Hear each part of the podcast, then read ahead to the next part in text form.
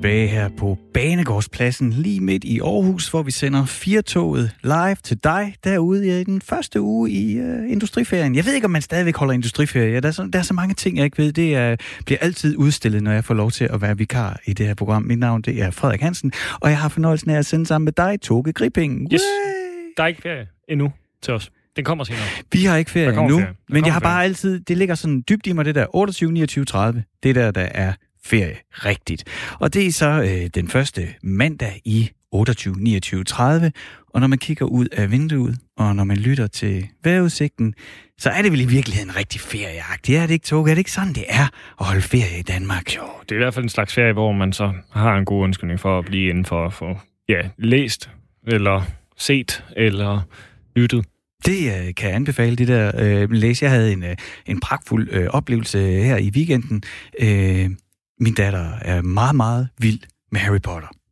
Altså yeah. hele det her univers med uh, troldmandslærlingen, som man følger gennem syv bøger, der vokser op, otte film, og, uh, og nu har hun, uh, altså hun havde selvfølgelig, eller selvfølgelig, hun uh, kan læse, men nu er hun sådan begyndt at gå fra de der bøger med mange illustrationer, til at tage sådan en tyk bog, og så læse den. Ikke? Og det, det var simpelthen magisk at se uh, de sidste tre, de seneste tre uger, ikke? der tog hun den der Harry Potter 1 frem. Selvom hun kender, at vi har set de første par film, hvad hun nu var klar til, at vi snakkede, bla bla bla, og jeg har læst dem højt for hende, dengang hun var mindre, fordi hun var meget interesseret i det, men nu, nu læser hun selv. Og, og jeg har simpelthen de seneste tre måneder, der, eller tre uger, der har jeg set hende have den der bogoplevelse hvor hun bare ikke kan få nok, og han går rundt med bogen og sidder ved, ved middagsbordet, og jeg må, ej, altså, du ved, så, de må sige, kan du ikke lige lægge den væk? Og sådan, må hun bare læse og læse. Og den aftale, vi lavede, det var, at øh, hun, når hun har læst en bog, så kan vi se den på film bagefter. Så, øh, så hun blev færdig med den her i weekenden, og så i går aftes, der så vi så... Hvordan tjekker du egentlig, at hun har læst den? Ja, det gør jeg ikke. Det, okay. det, okay. Men, men, du, kan se, du kan se, at hun er så begejstret, og så på det der, altså det kører bare hele tiden. Så, øh, ja. så, så der vi, så, og så kommer hun ned i øh, Hermione-kostyme, skulle jeg sige, så sådan en Hogwarts-slips på og en kåbe, og så skulle vi så se øh, Harry Potter 1. Og øh, det var bare mig og hende, øh, øh, hendes øh, mor og lillebror øh, lavede noget andet, så vi ligesom bare kunne gøre det her sammen. Og så sad jeg så og så den her film sammen med hende, hvor hun bare snakkede hele tiden. Og det var så okay. Altså hvis vi var i biografen, eller hvis der var andre, så havde jeg bedt, ah, måske lige skal være stille. Men her, der kunne jeg se, hun har simpelthen bare knækket koden til det der med at åbne op for bøgerne og forsvinde ind i alle de universer. Og det er du fuldstændig ret i. Det er jo sådan noget, man kan gøre. Hvis øh, det er sådan, at man har ferie, og så i den her coronatid, hvor mange af os har enten aflyst eller slet ikke købt billetter ud af landet, men bare må blive herinde og kigge ud af vinduet og se på dråberne, der rammer ruden. Ja, jeg var en tur i fortiden i går, og så skulle jeg så med Marty McFly tilbage til fremtiden. Ej, det er også en god film. Ja, den er, den, er, den er sgu bedre første gang, man ser den, tror jeg. Jamen, jeg tror, jeg har set den 50 gange. Okay, så, jeg, Nå, det, jamen, så, altså, den så, er lige så, god så på, du, hvad du taler om. på gang 4, fordi du, det er simpelthen det er min yndlingsfilm. Den kan jeg se igen og igen. Ja. Det, jeg, min påstand er, at det er øh, det perfekte manus. Det er den perfekte historie til en film. Ja. Den er lidt svær sådan at sælge til andre, ikke? Hvis man jo, ikke der, er sådan, den. der er nogle ting, hvor man sidder der. Jeg synes, man bliver taget ud. Jeg synes, man bliver bevidst om, man ser en film nogle gange. Og Ah, det er, okay. det, Mm, jeg er også ja. sådan en hokus pokus fisfornem type, når jeg ser film, ikke? Men så tænker jeg sådan, det ser meget studieagtigt ud. Ja, Ja, den kører igennem, øh, hvad den hedder, Hill Valley. Er det ikke det, byen Jo, hedder? jo, jo. jo. Ja, jo. Ja, altså jeg vil sige, det, det, jeg tror næsten det største problem med den film, altså jeg har ikke noget problem med den, det er mere det der med, at når man skal fortælle folk, altså nu er det jo de færreste, der ikke lige er gået ud fra de fleste kender tilbage til fremtiden, men, men hvis man sådan begynder at skal forklare, "Nå, men det er ham er drengen, der så er bedste venner med en gammel professor, og, som har bygget en tidsmaskine, og så ved du uheld, Som har stjålet Pluton. kommer han ja, fra nogle terrorister, så kommer han tilbage, altså sådan til fortiden, der møder han øh, sine forældre, og hans mor bliver forelsket i ham, og at de er tæt på at have sex. Det, det, Mm, det, det ja. Så bliver det lidt øh, svært måske lige at sælge, men, øh, men det er en øh, helt øh, forrygende film, og det kan jeg også øh, kun anbefale, at øh, hvis man tænker, hvad skal vi lave? Vi er ferie, det regner, vi sidder i soverhuset, så kan man have set øh, tilbage til fremtiden på. Ja, det er i hvert fald et godt eksempel på, at show it, don't tell it nogle gange virker bedre. Mm, ja. Nå, men et andet sted, hvor der også ofte er folk, der har befundet sig i regnvejr, sådan at der er udviklet smat. Ja, nogle gange så har der så også bare været så meget øh, sommer og sol, at øh, folk har befundet sig i urinstøv, tror jeg nærmest, at man siger. Ja, det synes jeg selv, jeg kan huske øh, en enkelt gang at have Jeg ved ikke, om jeg inhalerede. Altså, det var jo ikke, fordi jeg stod og tænkte sådan, jeg skal over til hegnet nu, og så stå og, og, tage, og tage et godt væs. Det var, øh, det var ufrivilligt, ja. at, øh, at man blev konfronteret med, med det, og ens lunger også blev konfronteret med det. Med urinstøv. Og grund til, at øh, vi taler om det, det er, at den her mandag, den er ikke, som den plejer at være for rigtig mange i Danmark. Det er nemlig mandagen efter Roskilde Festivalen. Altså, den Roskilde Festival, der skulle have været, den, der skulle have været nummer 50, men så, som så meget andet her i landet, ikke blev til noget på grund af corona. Og nu vil vi ringe til dig, Mikkel Frej. Du er forfatter og journalist. Det var ikke uh, helt den samme uh, weekend, som det skulle have været. Nej, det var ikke. Hej Frederik. Hej, hej Mikkel. Velkommen til Firtoget. Tak. Hvordan, Nej, det har bestemt ikke været den samme weekend, som, det, som jeg havde troet, det skulle være. Altså, jeg, jeg, altså det, det vi sådan taler lidt indforstået om, det er, at, uh, at du er jo rigtig, rigtig glad for Roskilde Festival. Og normalt så gætter jeg på, og nu må du stoppe mig, men så gætter jeg på, at sådan en mandag som i dag, der skulle du ligesom uh, falde ned og pleje dig selv. Men nu har der ikke været nogen festival. Nej, altså, øh, man kan sige, under normale, der, der er jo lige det der, for skal vi huske noget, og det er jo fordi 80 sender om mandag, at det er jo rykket, så Nå, ja. det slutter lørdag. Ja, det er sandt. Men pyt nu med det. Ja. Altså sådan en dag som denne her, altså hvis vi antager det dagen efter sidste dag, mm. så ville man jo have ligget derhjemme, hostet og været meget træt, og have haft øh, altså helt stoppet næse, og når man pussede eller pillede næse, så kom der noget sort snask ud. Mm. Og man havde ondt i lungerne, og i øh, hjernen, og i sin krop, og i det hele taget var rimelig øh, vi er rimelig smadret, men samtidig lykkelige på en ganske særlig måde. Ja, fordi jeg skulle lige sige, når du, når du præsenterer det på den måde, jeg skal lige sige, altså Toge, som jeg sender sammen med, han har, han har rent faktisk været på Roskilde Festival øh, to gange, men Mikkel, jeg har aldrig været sted. Og jeg tror, der er mange af vores lyttere lige nu, der ikke har været der. Og når du så fortæller, altså det, det, det, det lyder jo som en slem øh, influenza, det du lige har beskrevet. Men, ja, men det er, føles også som en slem influenza. Til gengæld så føles lykkeboostet ved siden af, som, altså det, det, som, som noget, jeg altså, slet ikke kan beskrive. Og, og, det er, og en del af det er måske også, at man ligesom har overlevet det, fordi det er en ret voldsom omgang. Mm. Men for det er også, det er også, altså vi kender jo hinanden gennem mange år efterhånden. Det overrasker mig også, det der med, at du ikke har været der. Du spiller musik, og du kan godt lide rock. Og... Men det har bare aldrig rigtig passet. Ah, men Mikkel, så, så, altså, nu er det jo sådan, at vi øh, laver det her program, og vi ringer øh, til kilder som dig, der stiller op og er klar på at være åben og ærlig. Og så øh, tænker jeg, altså, så i kontrakten må indgå, at det skal jeg også gøre. Der er en grund til, at jeg aldrig har været på Roskilde, og den er vanvittig. Jamen, den er så ynkelig. Jamen, men du ved, at jeg har virkelig, virkelig prøvet at blive rockstjerne, og øh, måtte give op, og så nøjes med at blive journalist. Ja. Øh, og øh, jeg har sådan en, der laver pakter med mig selv. Så, så står jeg foran spejl. Jeg, jeg vil sige, i en alder af 45, så gør jeg det i mindre grad. Øh, jeg gjorde det i højere grad, da jeg var 18-19-20 år. Ja. Og der lavede jeg altså den her pagt, der hed, øh, Frederik, du øh, tager først, din første gang på Roskilde skal være, når du står på scenen. Ja. Og det skete ikke, Mikkel. Nej, men Frederik, det der jo er dejligt ved dig, det er, at du er et, et meget behageligt og men også meget principfast menneske, ikke? Og, det, og det kan være rart i en flydende verden. Men jeg, men, jeg, men jeg er enormt ærgerlig over, at det ikke er lykkedes for mig at få lov at drikke et øl med dig dernede. Jeg vil sige, da jeg var på den alder, som du var, da du lavede pakken, måske var jeg lidt yngre, der var jeg lidt nervøs på at tage på Roskilde, fordi jeg var lidt usikker på, om jeg kunne overskue det der med at have tømmermænd i et telt, og der var mange mennesker, og jeg var øh, lidt bekymret for, om det kunne blive for voldsomt for mig. Mm. Men da jeg så kom afsted første gang, så blev jeg fuldstændig blæst bagover. Og det, og det, altså, Roskilde kan ikke sammenlignes med andre festivaler herhjemme, simpelthen fordi den er så stor. Altså, den logistik, der er til stede, er i sig selv imponerende. Det der med, at der er ligesom to to centre, hvor man kan købe ind. Campingpladsen er kolossal. Scenerne er, er altså det fungerer. Det, det i sig selv er ret overvældende, fordi det er så stort.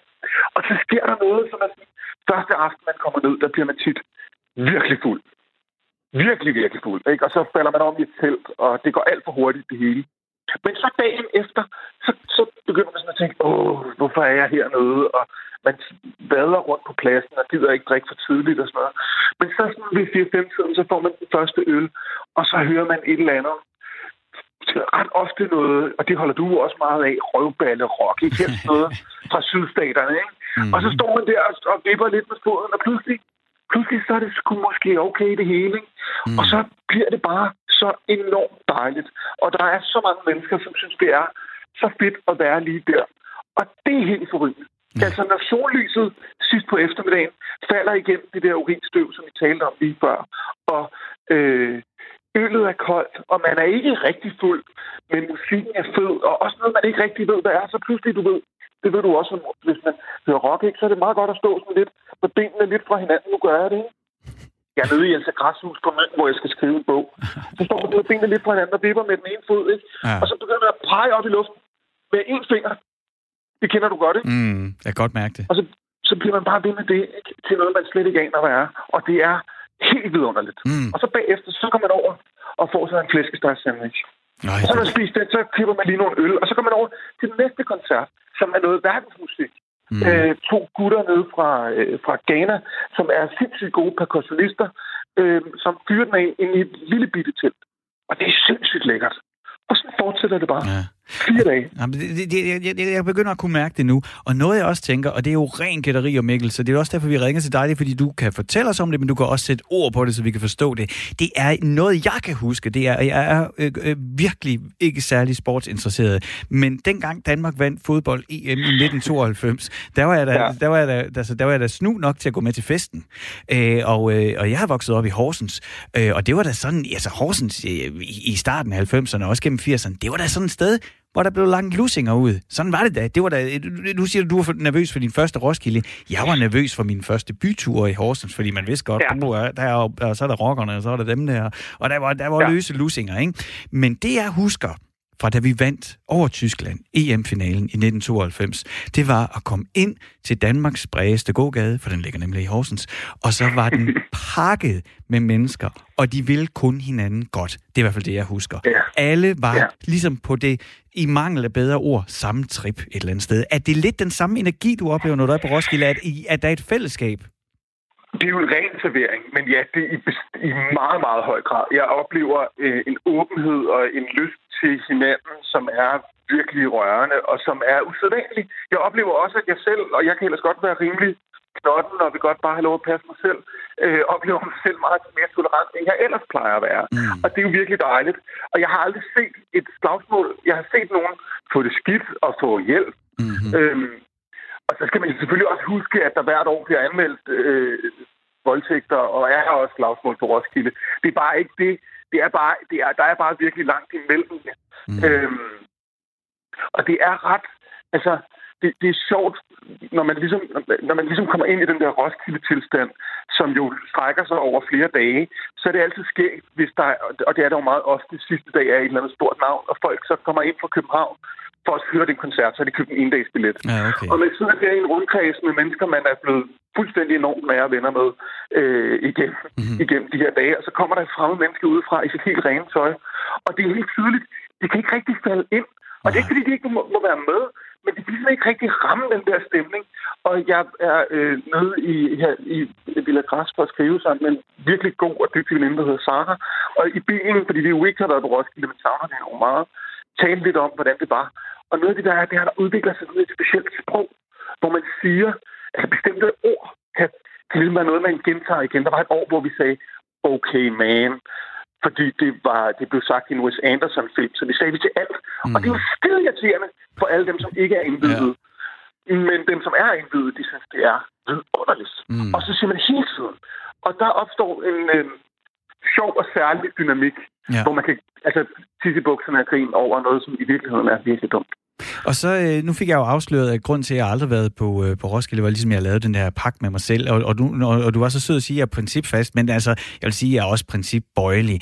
Det er vel også en festival, hvor man rent faktisk kan komme som øh, voksen mand på 45 eller ældre? Altså, nu, Frederik, er det jo vores festival. Ja. Altså, det, jeg kan huske, da min bror tog afsted første gang, der var jeg virkelig, der kostede en billet 500 kroner, ikke? Mm-hmm. Og der låste deres telte, og der var, altså, der, var, der kan jeg huske, at jeg var nervøs for, om han nogensinde ville komme hjem igen. Ja. Og så var der jo katastrofen i 2000 og sådan noget. Ja. Men, men det, der, det, der er sket, det er gået fra at være rimelig Mayhem Festival til at være ret ordnet. Det er ja. klart, ude på campingpladsen, der går de unge mennesker amok, og det skal de også gøre. Men inde på pladsen, der er køkultur og ordentlighed øh, mm. til en grad, som man næsten ikke forstår det. Jeg kan huske, der er to episoder. Den ene var et år, hvor jeg stod... Jeg har sådan en, øh, du ved, motorcykellederjakke, ja. som jeg er rigtig glad for. Øhm, den gamle skole, ikke? Den, som, mm. den, som Marlon Brando har på på det der billede, ikke? Og James Dean har på. Nej, kun, kun Marlon Brando. Øhm, og så havde jeg den på, og så stod jeg i kø til at købe cigaretter omkring midnat, og så foran mig stod der to, øh, tre unge mennesker fra lignede de, ikke? Fra Ungdomshuset i København. Og så siger den ene til den anden, prøv at da vi skulle ind, der stod helt vildt mange gamle mennesker. Og så siger den anden, hvor gamle var de? Og så peger han på mig og siger, lige så gammel som ham der. og der var jeg dybt rystet, ikke? fordi jeg tænkte, jamen jeg er jo ligesom jer.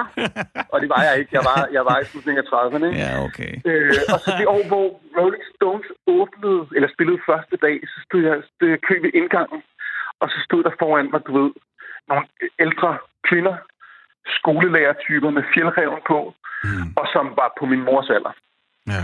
Og jeg var vært på DR2 på det tidspunkt, og så lige pludselig så siger den ene til den anden, det er ham, vi godt kan lide fra fjernsynet. og det, altså, det er, det er blevet, det er en festival, hvor øh, altså, den, den er blevet mere og mere mere og mere voksen i takt med publikummet også. Ja. Og den som kommer igen og igen og igen, og det har måske været sådan hele tiden.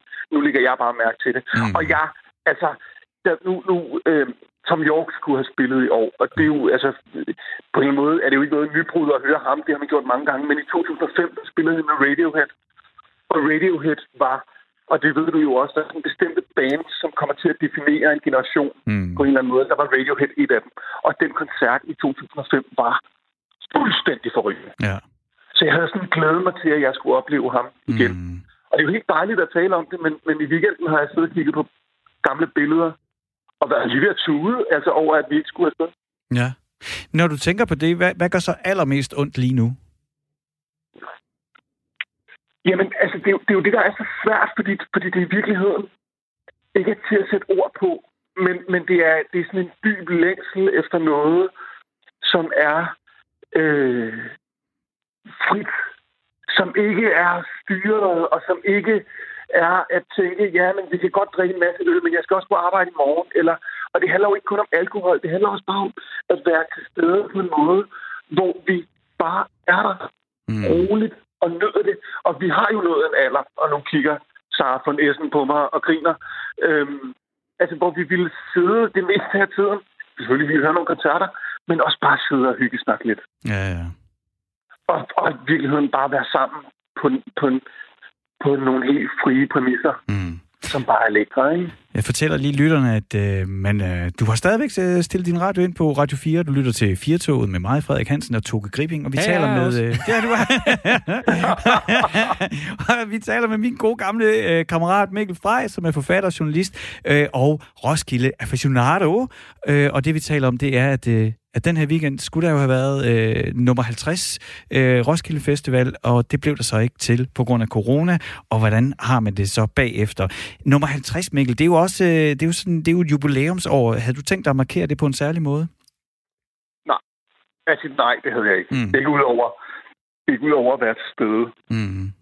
Men det ville, det ville have været, selvfølgelig ville det have været en stor oplevelse af dejligt ligesom at være der, og jeg er sikker på, at, at de gode folk ville have fundet ud af at markere det på en dejlig måde. Og den fest ville jeg godt have været med til, men det var ikke, det var ikke noget, jeg som sådan skulle markere ja. som noget ganske særligt. Altså Roskilde er en del af mit liv, og er blevet det, og har jo også forandret sig som en del af mit liv. Der var jo også en gang, hvor vi, jeg kan huske, vi købte sådan en Frankenstein-maske og et kyllingehoved, altså sådan en kyllingehovedmaske, og så gik vi rundt til alle lejrene og holdt fest på mm. den måde en gang, og løb rundt i bare røv på pladsen eller på, på campingområdet. Det gør vi jo ikke længere. Mm. Så jeg tror, i år vi har bare været med. Jeg kan huske 10 år efter tragedien, altså i 2010, for 10 år siden, der var Patti Smith med til at markere 10-året. Ja.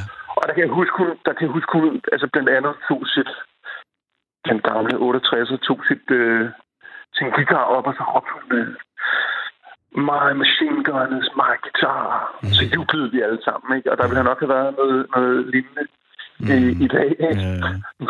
Nu går så og griner af mig. Ved du, jeg har spillet flest gange på Roskilde nogensinde? Nej. Ved du det så? Det knæks. Er det rigtigt? Ja, og det kan jeg fandme godt have hørt i år. Ikke? Altså, og så jeg, bare, jeg brødte mig helvede til over, at Thomas Helmi skulle være hovednavn. Mm. Men jeg vil godt vide med, om Monika havde spillet øh, lørdag der til luk. Mm. Det havde jo været den vildeste fest. Det er, jo det. det er jo det, der sker, når man lige pludselig er i sådan et humør, kan jeg jo sige, uden at være på Roskilde, men når det sker det, når man har det fællesskab, så ens præferencer, de bliver også sådan lidt mere medgørlige, og ting, man måske normalt ikke lige vil rock til, det rocker man glad med på. Du nævnte lidt før, øh, Mikkel, at du har kigget på billeder, men øhm, har du gjort noget særligt ud af den her weekend, når du nu ikke kunne komme afsted? Nej, det har jeg faktisk ikke. Altså, øh, jeg har haft enormt, enormt travlt, så jeg har bare prøvet at glemme det. Men det, men det var svært, fordi så begyndte øh, DR var rigtig slemme til det at sende øh, radioprogrammer om det og tv. Og mm. blandt andet så sendte de i 2009 lavede Mads de Køjen en genforeningskoncert øh, på Grøn, eller Arena hedder den, øh, som de spillede kl. 2 om natten, og vi stod i kø for kl. 8 for at komme med, og vi troede, at det var slut med Malte Coyne. Og så sendte, så sendte de et program, hvor de fortalte om det. Og det kunne jeg næsten ikke, altså, jeg kunne næsten ikke holde ud og høre det, fordi det var så vildt. Altså, den koncert var så sindssyg. Øh, og jeg kan huske, at under de første tre numre, de spillede Kosmisk Kaos som andet nummer, for ligesom at få folk til at falde til ro. Fordi, ja, okay. altså, der var virkelig knald på. Ikke? Ja. Så jeg har, hørt, øh, jeg har hørt en masse gammel Roskilde-musik, og så har jeg kigget på rigtig mange billeder. Men det gjorde ikke noget for at markere det, men jeg kan jo se, at enormt mange af mine venner har været i lejre rundt omkring og holdt mini-Roskilde-festivaler. Mm. Det ville jeg ikke kunne. Nej. Altså, jeg blev også spurgt, om jeg ville være med til, men det kan jeg ikke. Nej. Det er enten eller. Men så ringer vi så også til dig her i dag, og så slæber dig igennem traumet igen, at du ikke øh, kommer afsted i år. Nu blev det ikke i år, men øh, med lidt held og lidt mindre corona, så bliver det nok til næste år. Hvordan bliver det, når du bliver ja. lukket ind på festivalen? Er det ligesom sådan, når køerne kommer på græs første dag? Var i gamle dage, det der med, at man løb derind. Ikke? Altså, nu, vil vi, nu, vil vi bare, nu, nu vil vi jo bare gå ind lige så stille og roligt, men der var jo enormt mange sms'er i onsdags om, at nu, lige nu, her klokken, så ville vi have gået fra arbejde klokken 4, ikke? og klokken mm. halv 6, så var vi ankommet. Men det bliver jo bare en fest, og det dejlige er, at næste år kommer du jo med, Frederik. Ja, det tror jeg. Du har i hvert fald solgt det rigtig godt. Æ, øh, til os, Mikkel Frey, tusind tak, fordi at øh, du lige tog dig tid øh, fra at skrive, og så til at fortælle begejstret til os om, hvorfor det faktisk er ret hårdt for ret mange i dag, at de ikke har tømmermænd efter Roskilde. det er rigtigt. Toge? Ja, jeg er her stadigvæk. Du er her nu, undskyld. Ja, det, sådan nej, er det, jo. det skal du ikke, det skal du ikke have det skidt med, Frederik. Det er, øh, når, du, når lige pludselig, når samtalen kører der, og man forsvinder, så... Øh, ja. Jamen, jeg sad bare observeret. Nå, men det er godt. Nå, men jeg var i hvert fald glad. Det var dejligt lige at blive øh, rusket rundt, og det er altid dejligt, når der er nogen, der kan fortælle øh, levende, begejstret og med billeder om noget, man ikke har set. Og jeg har jo ikke øh, set og eller været på Roskilde Festival. Noget andet, øh, Roskilde Festival blev ikke til noget på grund af corona, og det er der jo rigtig mange andre ting, der også er blevet aflyst. Øh, for eksempel sommerferie. Ja, eller i hvert fald for mange vedkommende. Der er jo nogen, der, der, der, der jeg ved, man kan næsten ikke kalde det tage chancen længere, fordi nu er det jo faktisk i overensstemmelse med rejsevejledningerne yeah. rejse mange steder hen. Men ikke desto mindre, så er der jo en del, der, øh, der enten har noget at aflyse rejser, mm-hmm. eller øh, bare har besluttet sig for, at vi tager den altså på hjemmebanen i år, eller øh, hos øh, den en skandinaviske nabo, man godt må tage til. Mm, ikke svært. præcis. Øh, den, den, er, den, den er stadigvæk ikke helt gå på. Det, det er i hvert fald, øh, i hvert fald været, øh, for mig var det helt klart, at nærmest uanset hvad der skete, så kom vi ikke ud af landet i år. Og det vi jo talt om øh, på vores redaktion, det er, at når vi nu sender her i den første rigtige ferieuge, vi får lov til at være ferievikar, og øh, vi står herinde og kan ikke komme på ferie, og hvis du lytter til os, jamen, så er der nok også en høj sandsynlighed for, at du er i Danmark og ikke er ude af landet på ferie. Så derfor så, øh, så skal vi prøve noget af nu. Vi skal simpelthen teste et lille format. Vi, øh, vi, vi, vi tester det i dag, og så kører vi med det i morgen. Det er planen, ikke? Og det, det er, det er, at vi vil Jamen, vi vil simpelthen lave en lille radiorejse. Så øh, du kan lige få indløst billet her, og så tænker jeg, at jeg starter rejsen.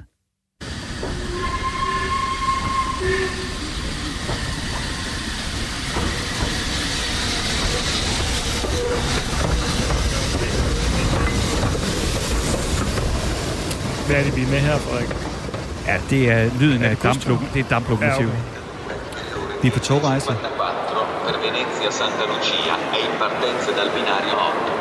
Ferma a Bologna Centrale, Rovino, Padova, Venezia Mestre. Det der, du kan høre, det var jo selvfølgelig italiensk, fordi vi har taget toget til øh, en italiensk banegård, nærmere betegnet byen Luca. Og det, man kan høre lige nu, det er simpelthen byen Luca. Fuglene, der stod op og pipper lystigt, og så toget, der langsomt gør klar til... Øh, hvad man nu gør på sådan en tog. Ja, det er jo nok at gå ind et sted og bestille en øh, kaffe af en eller anden art, en øh, espresso, dobbelt espresso, cappuccino, latte.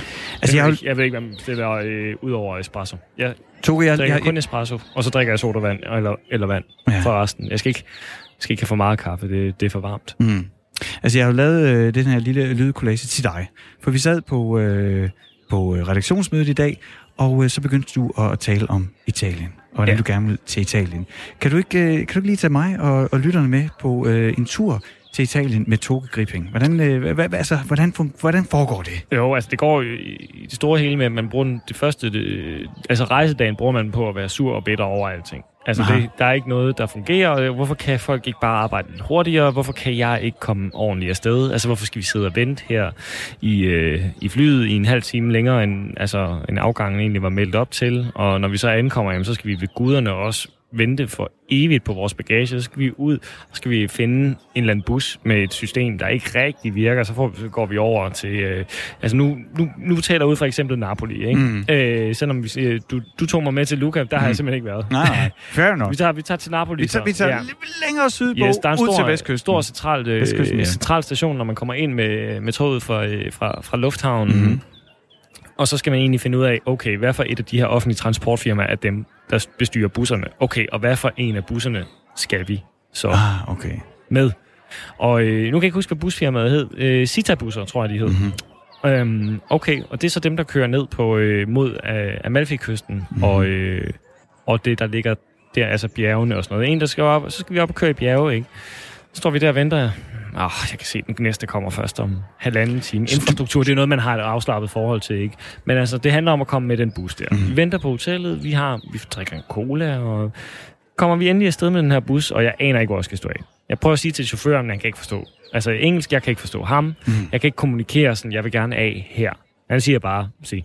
Altså, da jeg prøver at sige det der stop på gebrokken i italiensk, ikke, så siger han bare, sig, der skal han hen. Okay, jeg kan ikke kommunikere, vil du gerne vil du ikke lige melde den op, når, vi, når vi kommer der til? Ja.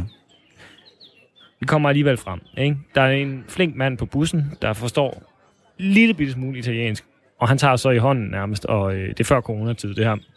Han tager os i hånden og tager os med ud af bussen og følger os hen til der, hvor vi skal bo, som er så i, i den by, der hedder øh, Agerola, som ligger oppe i de øh, syditalienske bjerge. Okay, vi er kommet frem. Dejligt sted. Der er køligt indenfor, fordi at der er jo selvfølgelig skodder for vinduerne mm. og så mhm. videre.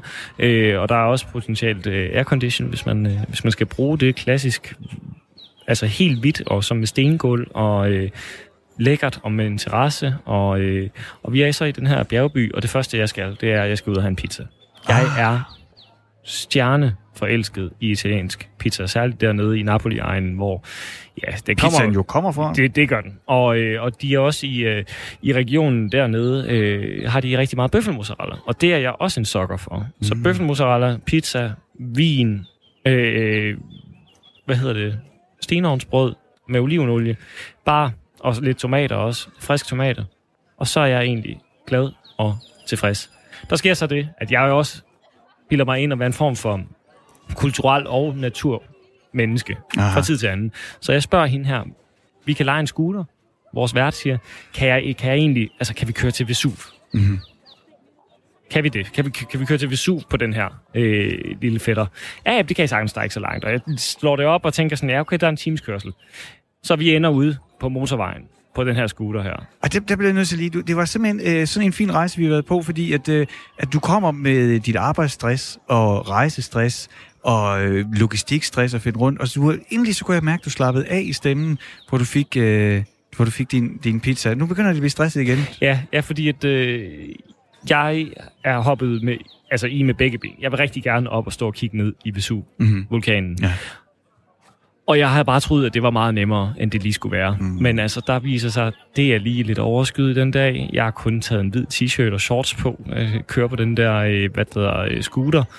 Og der er vindmodstand, når du kører. Den kan køre rimelig stærkt, den her scooter. Vi ender sådan på en form for motorvej, og jeg skal sådan holde øje med bilerne og sådan noget. Uh, her, og det er bare ikke min dag. Og jeg skal oven i købet, som en kæreste, Michaela, hun sidder bagpå. Mm-hmm. Skal samtidig forsøge at holde øje med, altså kører vi den rigtige vej mm. og så videre, og en, et par gange, der kommer vi til at køre den forkerte vej. Det gør vi på brosten, hvor sådan en lille scooter har det altså rimelig, rimelig stramt, når man sådan bumper op og ned. Øhm, jeg kommer så endelig frem til foden af Vesuv og tænker, at det er godt det her. Så nu er vi, nu vil vi være fremme. Det har været en rimelig kølig tur, fordi jeg er vindmodstand, t-shirt og det hele, og er kølig dag. Og så kommer højdeændringerne, som jeg selvfølgelig heller ikke har taget højde for bogstaveligt talt. Så jeg kører op af der, jeg sidder bare mip mip, og den, altså, den får alt, hvad den kan trække, det her lille scooter. Og jeg sidder, og jeg prøver, jeg begynder at tage, tage chancer i uh, svingene. Jeg kører dybt uansvarligt, men altså der er ikke for nogen... holdfarten? Ja, for holdfarten kom hurtigt derop. Ja. Der kommer ikke rigtig nogen modkørende.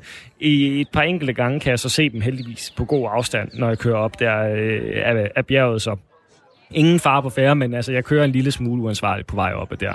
Øh, og når endelig frem, får det, jeg skal, ender med at købe en sweatshirt op på Mount Vesuv, fordi at øh, Monte Vesuvio, som det jo hedder mm. på mhm. italiensk, fordi jeg, jeg bliver nødt til at have varmen nu. Øh, jeg, skal, jeg ved, jeg skal på den samme tur igen, og det bliver et mareridt, når jeg skal hjem, øh, men, øh, men det var så, altså det var den udflugt. Mm-hmm. Så var vi lige forbi Herculanum også, som er en af de her vulkaniserede øh, byer på vej, øh, okay. på vej hjem. Så, øh, så det var sådan øh, mit seneste minde fra Italien. Jeg kunne fortælle stolpe op og stolpe ned i, øh, i evigheder, men, øh, men, men det, er, øh, det er en tur til Italien med mig. Altså, jeg synes, det var øh, rigtig, rigtig dejligt at øh, lige komme på en lille radiorejse med dig, Toge Gribing, vores, øh, vores vært. Øh, jeg, kan ikke, jeg, jeg gentager mig selv, men jeg kan ikke lide med at tænke, at øh, altså, du havde det klart bedst, dengang du fik din pizza. Jamen, det, det er, jeg er en simpel mand. Ja, der, der var ikke nogen, nogen grund til at, at udfordre dig selv på scooter eller øh, vulkaner. Nej, men, øh, men jeg ville jo gerne have et eller andet at fortælle også, når jeg kom hjem, og så sige, uh, jeg har været sådan en, der var ude at se ting. Mm. Du er ikke øh, den eneste hvide mand, der har været på eventyr i, øh, i Italien. Det har Alan Øje også. Han skulle have spillet på øh, Roskilde Festivalen. Nu kan han spille her i Radio 4 i stedet for på italiensk.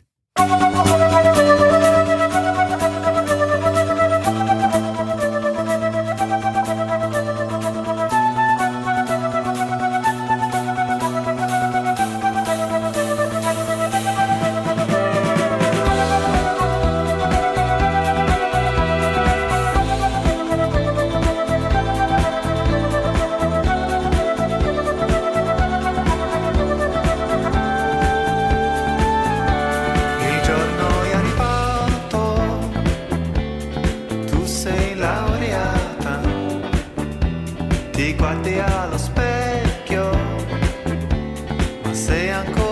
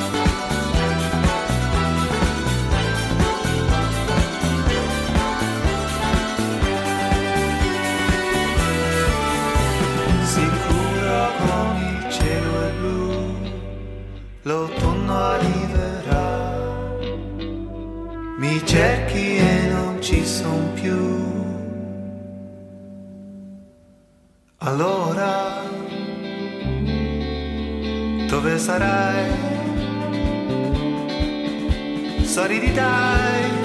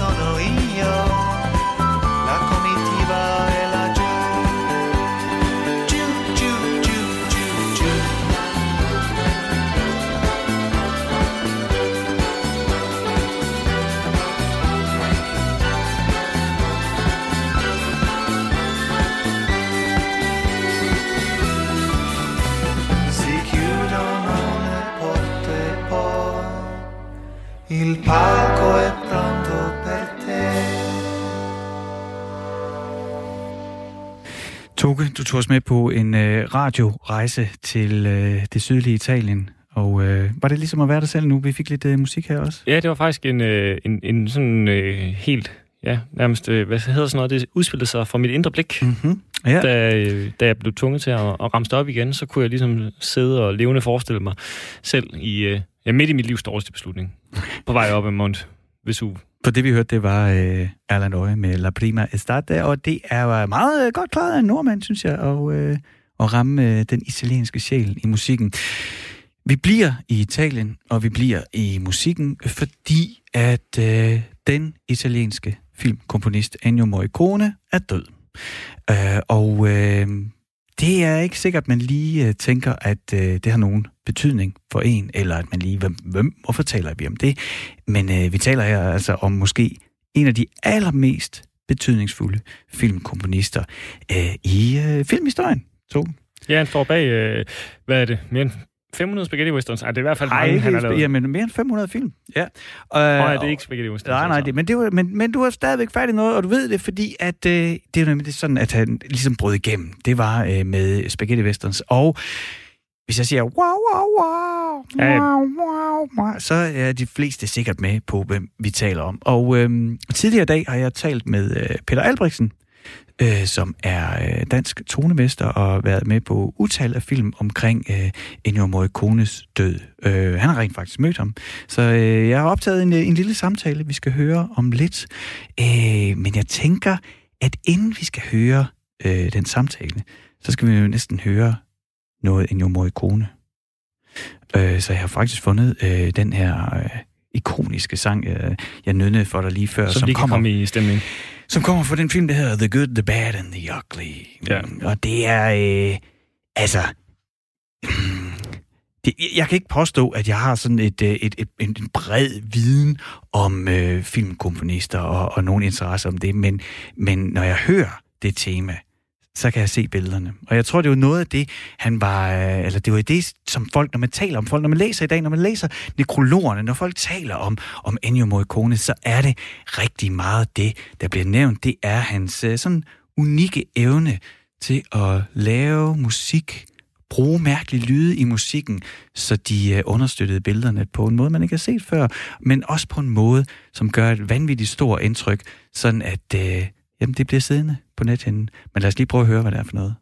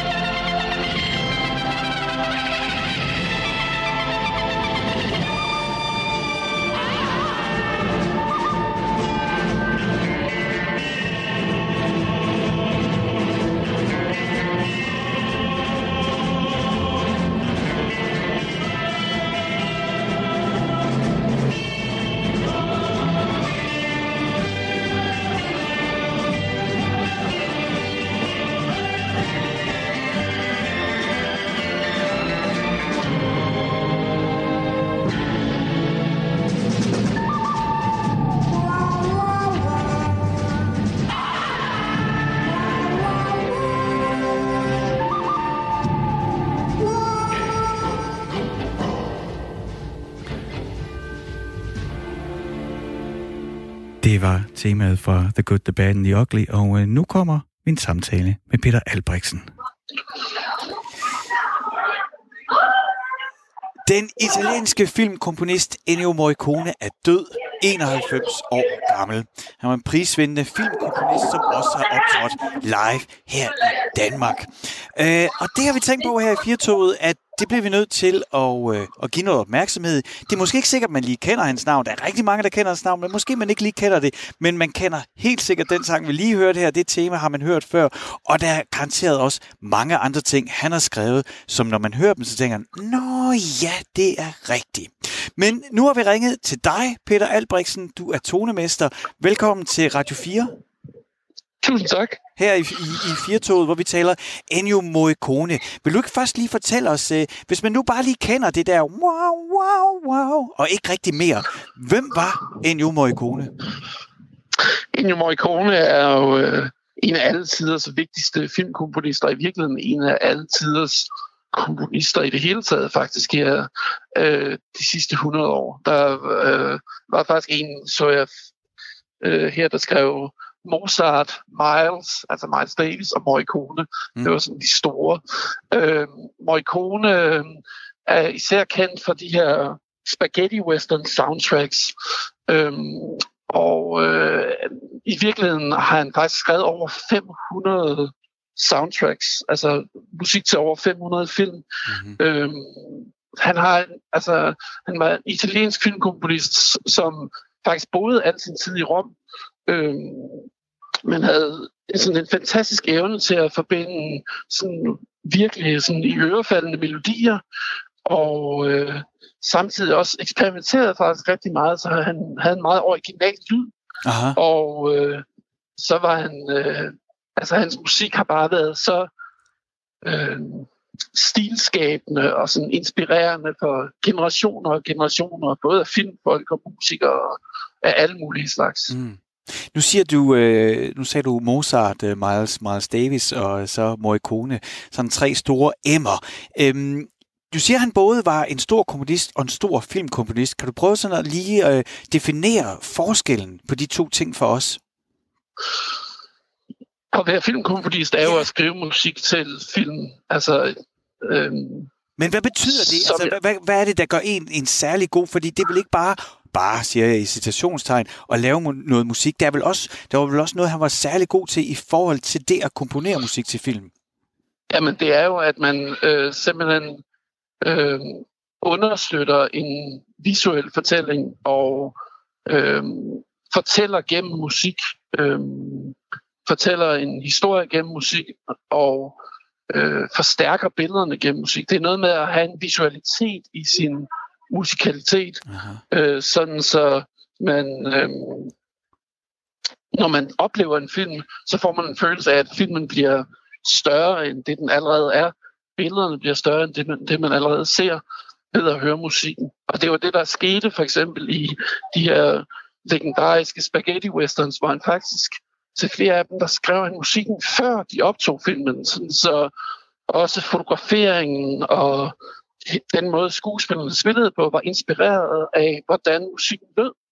Så øh, en film som Once Upon a Time in the West med Charles Bronson og Henry Fonda og Claudia Cardinale, der er faktisk flere scener, der decideret er bygget på, at de spillede en Morricones musik under optagelserne, og så koreograferede scenerne og følelserne i skuespillerne til den musik, de hørte. Okay, altså så den musik, øh, når vi sidder på den anden side og kigger op på lærredet og, og bliver grebet i biografen, øh, så ved vi jo allerede, når, når musikken er med til at understøtte øh, de følelser. Der brugte man simpelthen også nogle gange øh, Morricones egen musik på sættet til at forstærke ja. følelserne. Ja, hvilket var helt uhørt. Altså det er tilbage i 60'erne, så det er jo sådan helt fantastisk, at Altså på den måde var han også en pioner, så det er også det, jeg mener med, at han på den ene side var en stor komponist, der virkelig skrev musik, som havde sit helt eget udtryk og sin helt egen melodiositet. Og så samtidig var han en stor filmkomponist, fordi han lavede musik til film på en måde, som man aldrig havde hørt før, mm. og som har inspireret rigtig mange øh, filmfolk i, øh, lige siden. Og så fortalte du os, at uh, han har skrevet, mere, uh, skrevet uh, musik til mere end 500 film. Det er, jo, det, er jo, altså, det er jo et langt liv i musikken. Det var også sådan, han gik aldrig på pension, vel? Han, han gik aldrig på pension. Han blev ved og ved og ved. Øhm, jeg interviewede ham faktisk for fire år siden i hans lejlighed i Rom. Ja. Øhm, hvor han øh, skulle til at rejse til øh, rundt i Europa og turnere med sin musik.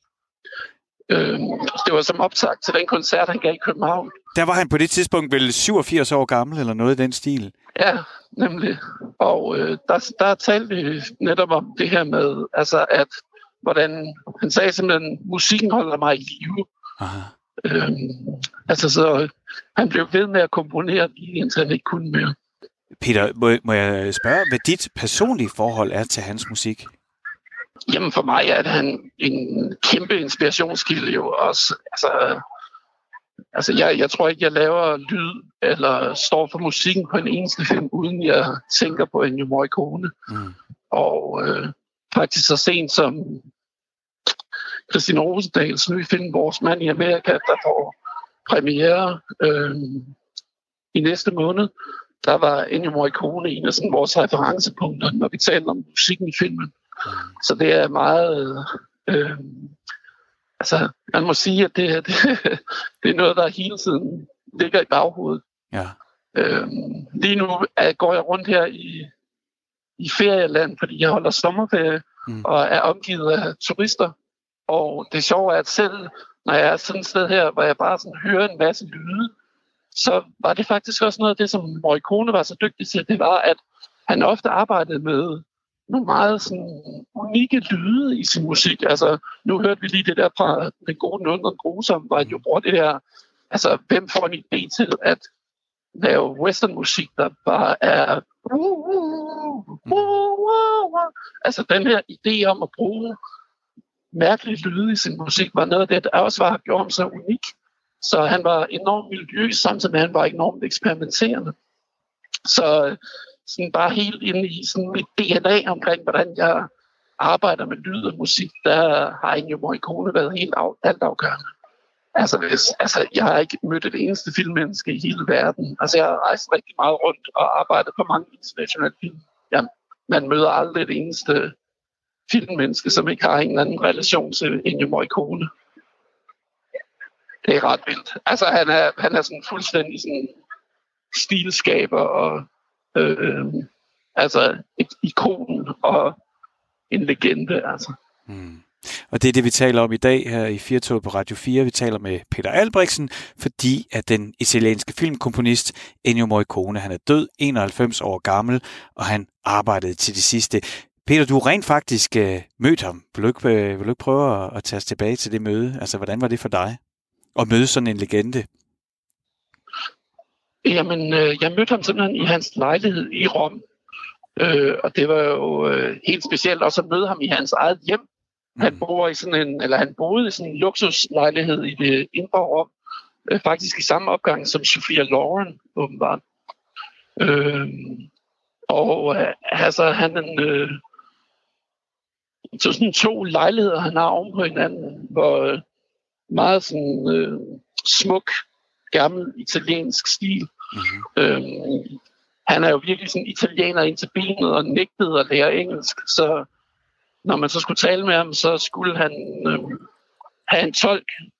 Og øhm, det var jo meget specielt at gå rundt i den her lejlighed og ligesom altså, møde hans kone der, som man har haft i altså, nærmest hele livet. Og øhm, den samme tolk har han altid haft. Så han er sådan en menneske, der ligesom har sådan nogle helt sådan nogle har haft sådan nogle helt faste regler omkring, hvordan han skulle leve sit liv. Mm. Og så, fordi vi alle sammen har elsket hans musik så meget, så har vi ligesom gjort det på hans måde. Altså, jeg skulle faktisk interviewe ham nogle år før, men der måtte jeg ikke interviewe ham over telefonen, fordi jeg ikke kunne tale italiensk. Okay. Men den her gang, så fik jeg så lov, fordi at der også var en tolk til stede. Mm. Øhm, så han er en mand med øh, faste principper, øhm, men også bare sådan en, en øh, faktisk han var meget ærlig og meget åben øh, omkring sit arbejde. Så vi taler her om en, en filmkomponist, og det er jo også derfor, vi taler om, om i dag sammen med, med resten af Danmark her. Det er en, en komponist, som havde stor indflydelse, har haft stor indflydelse, i hvert fald de seneste nærmest 50 år, hvis ikke 60 års øh, filmhistorie. Øh, og, øh, og vi har talt om, at, øh, at han arbejdede til det sidste. Det er jo ikke, øh, det er ikke mange år siden, at han vandt en Oscar for, øh, for sit soundtrack til øh, Tarantinos Hateful Eight.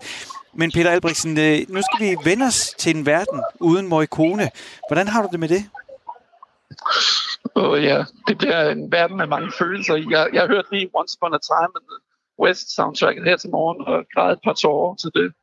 Øhm, men altså, hans musik lever jo evigt. Det kommer jo aldrig til at dø.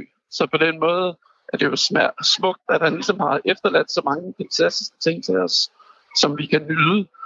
Øh, så mange film, vi kan nyde. Mm. Og så var det jo bare helt vildt godt, at han om sider fik den Oscar, den havde aldrig fået. Øh, så det var på høje tid. Men altså, hans originalitet skal jo også, altså, selv i den film, var, der var et af hovedinstrumenterne en tuba, altså i en western, hvilket der siger alt om, hvor original han tænkte lige indtil han døde. Altså, han, han var virkelig helt sin egen. Og øh, ja, der er mange gode minder og meget smuk musik, man kan dykke ned i nu. Peter Albrechtsen, tusind tak, fordi du tog dig tid i, øh, på din ferie her i Ferie Danmark til at, øh, at hjælpe os her i Firtoget på Radio 4 med at mindes Ennio Morricone. Tusind tak for den gang. Og det er også ved at være slut med Firtoget for i dag. Du har lyttet til Toge Gripping og mig, Frederik Hansen. Vi er tilbage igen i morgen, samme tid, samme sted.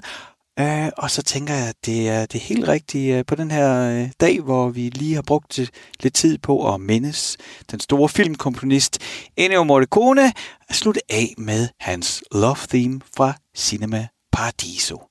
Vi høres ved igen i morgen.